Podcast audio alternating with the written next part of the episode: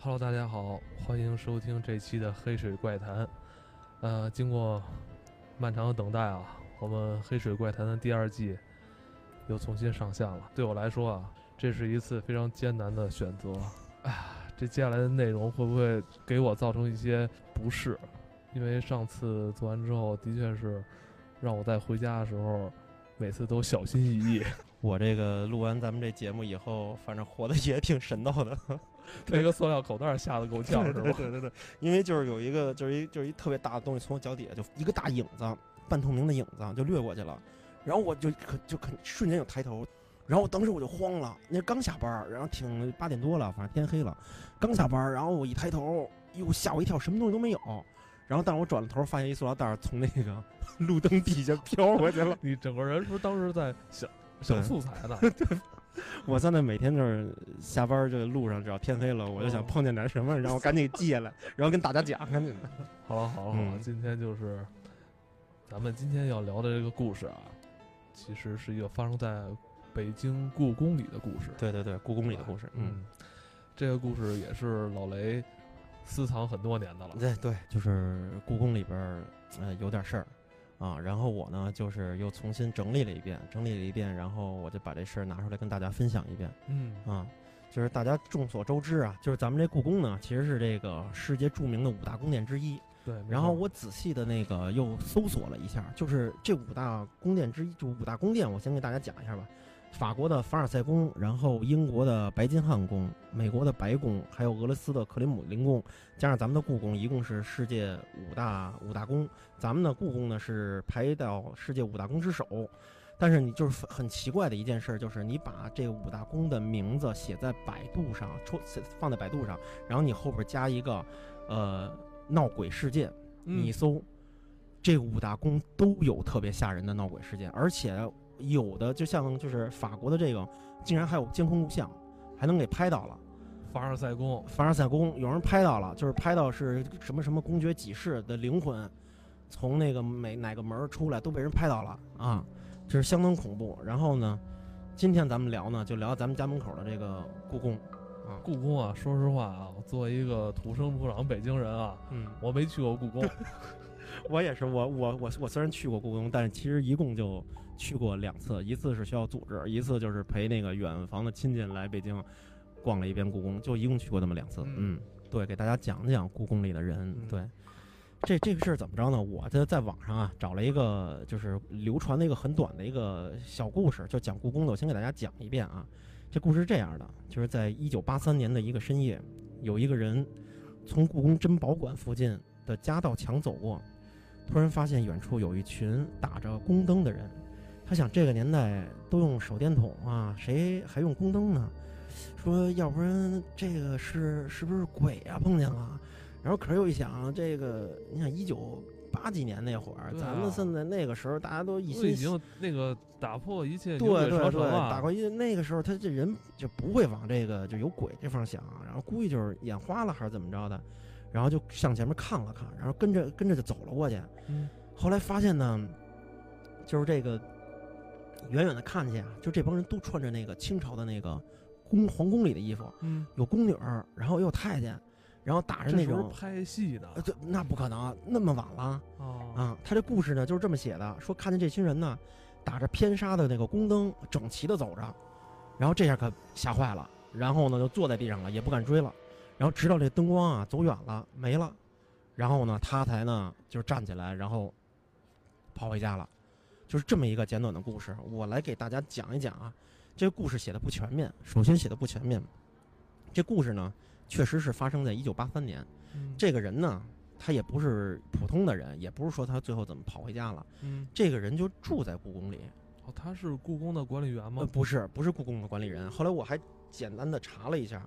就是故宫里啊，现在一共住着两批人，一批是咱们故宫博物院的工作人员，哦，还有一批就是咱们的国旗班、嗯是解放军战士、国旗班、解放军战士。咱们国家的这个就是升国旗啊，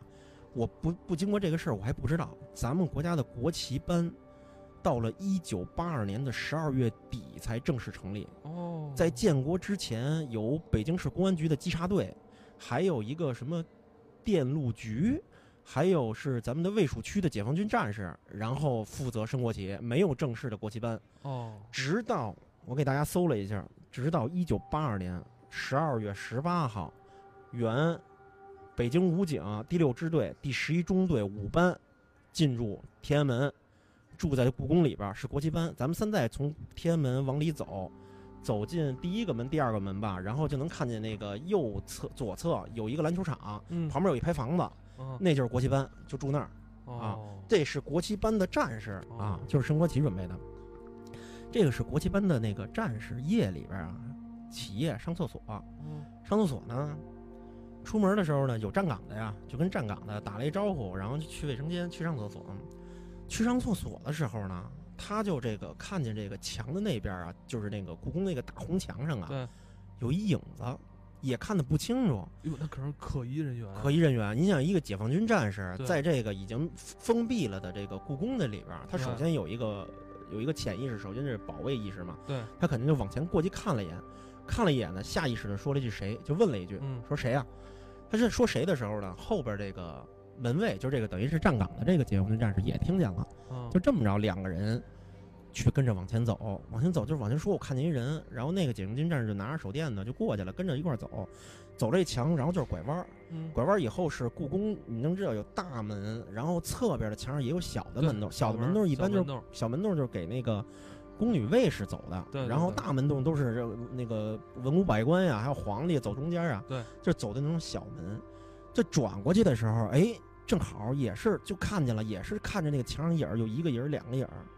就顺着那么就也就顺着墙也拐进去了。哦他们也管进去了，他们就也拐进去了。然后这两个人等于跟了一个尾巴，没看清楚，然后就问了一句：“这手电就等于扫到这儿了，扫到这儿的时候，墙不就照亮了吗？嗯一照亮了也没了，也正好看见他们那影儿就拐进去了哟。，这时候咱们解放军战士应该是警惕性一下就对提起，来就了，是很非常有警觉。你像解放军战士啊对，是吧？他那个很阳刚的这个，肯定对首先是阳气很足，对，然比后你阳气足呃，对比我阳气足多了。然后呢，就跟着这个影子就往前走，跟着影子往前走，在一拐弯的时候，这个时候就吓坏了，因为这个手电照过去的时候，就是这个是一个夹道，照到这个夹道的时候其实是没有人的。但是这个咱们都家里都有手电，这手电照过去，它旁边不是有余光吗？对，这个余光照到这个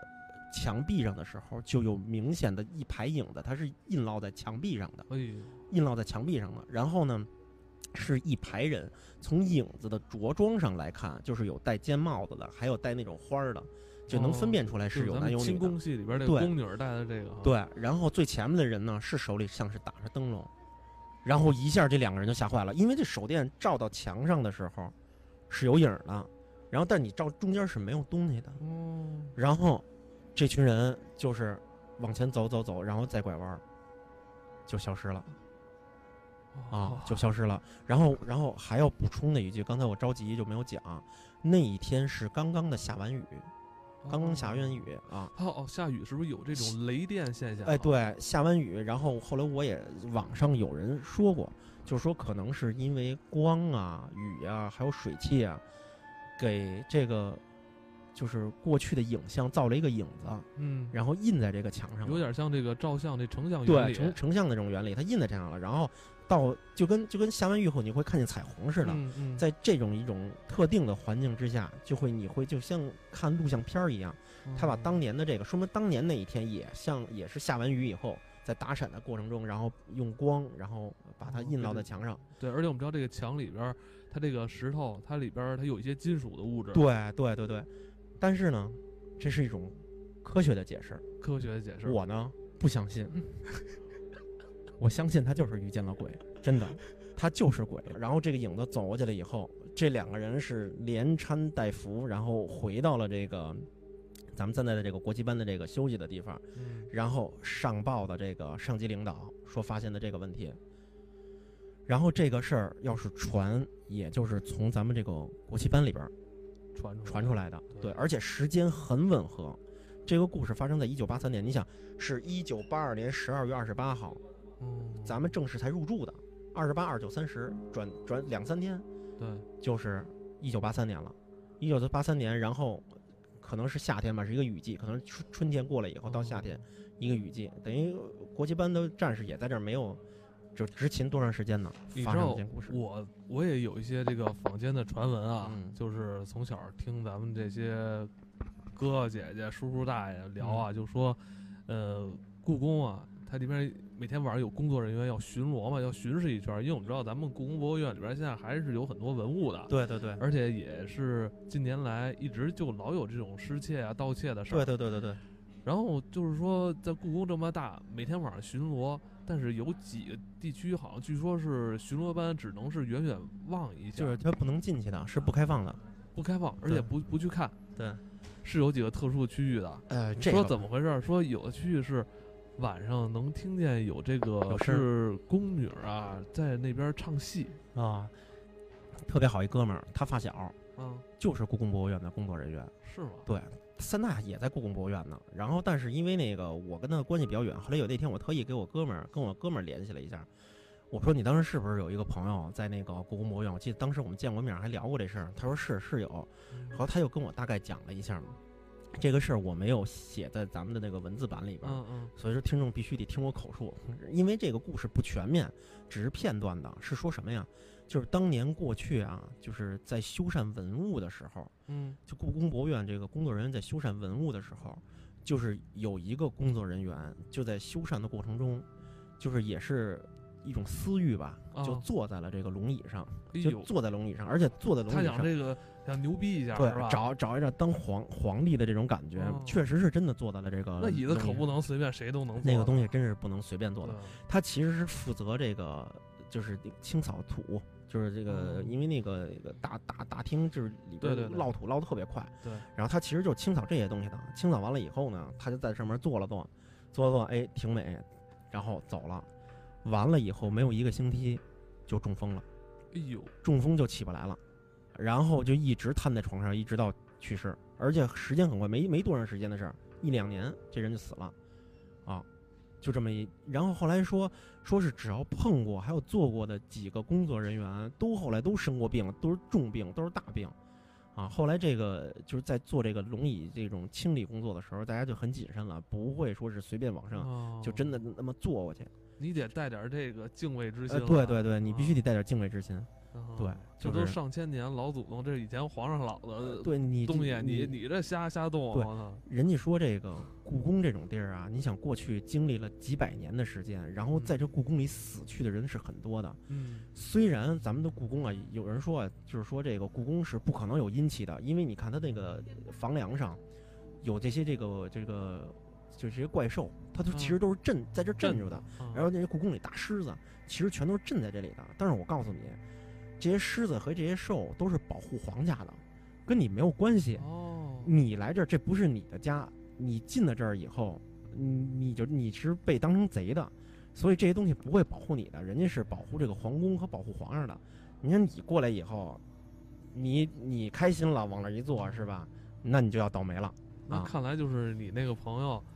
他在这个故宫是吧工作是吧？对对他对也虽然是一个也应该算是咱们现代化的科学工作者是吧？对对对，但有些东西还是得有些对规矩，对他们对还内是要部懂，呃他们内部还是得有一些规矩要对要对要对，要还是讲究要的还是要懂规矩的。对，哦，哎，说到这个懂规矩啊，呃，我给大家做一个预告，咱们下一期，下一期聊一回，聊一回懂规矩的这个故事。关于懂规矩的故对事，，必须得懂规矩，要不是哦是要不是吗真吓死你，真的。没有规矩不成方圆，没有规矩，你没有规矩你就你就吓坏了，反正 你就对，不是方圆的事咱儿。今天说这个故宫这故事啊，嗯其实大家就是可以听个乐儿。听着乐儿，故宫的故事在咱北京传的也特别多嗯对了，，特别多，特对别而且几代人都在传。，对对对，嗯，挺有意思。对，大家有兴趣其实可以上网找找，其实有关这个故宫里边的这些轶事啊，对对对，多得很，非常多。那个对不要因为听完这个故事啊就不敢来故宫啊了。，对对对，故宫还是很大对的，你白天来的话还是有好，就是人非常的对多。但你来了之后，您那手啊别对瞎对碰，别瞎乱碰碰。别这乱不碰是说你去咱们其他的什么呃什么颐和园公园啊，摸个什么东西，哎什么摸对摸个白云观那猴啊，你对对对这对对这种皇家的禁忌你别随便摸，别对随对便对碰，碰坏了你也赔不起，对，还是就是一定要守 规矩，守规矩。一定要该要走该走哪儿走哪儿，该碰哪儿碰哪儿，不该碰的东西千万不要碰。对，要不然就该倒霉了。听众朋友们，如果你喜欢我们的节目，可以点击下方的广告，点击一下不用关注，再退出来就可以了。好好吧，谢谢你对我们的支持，这期就这样，再见。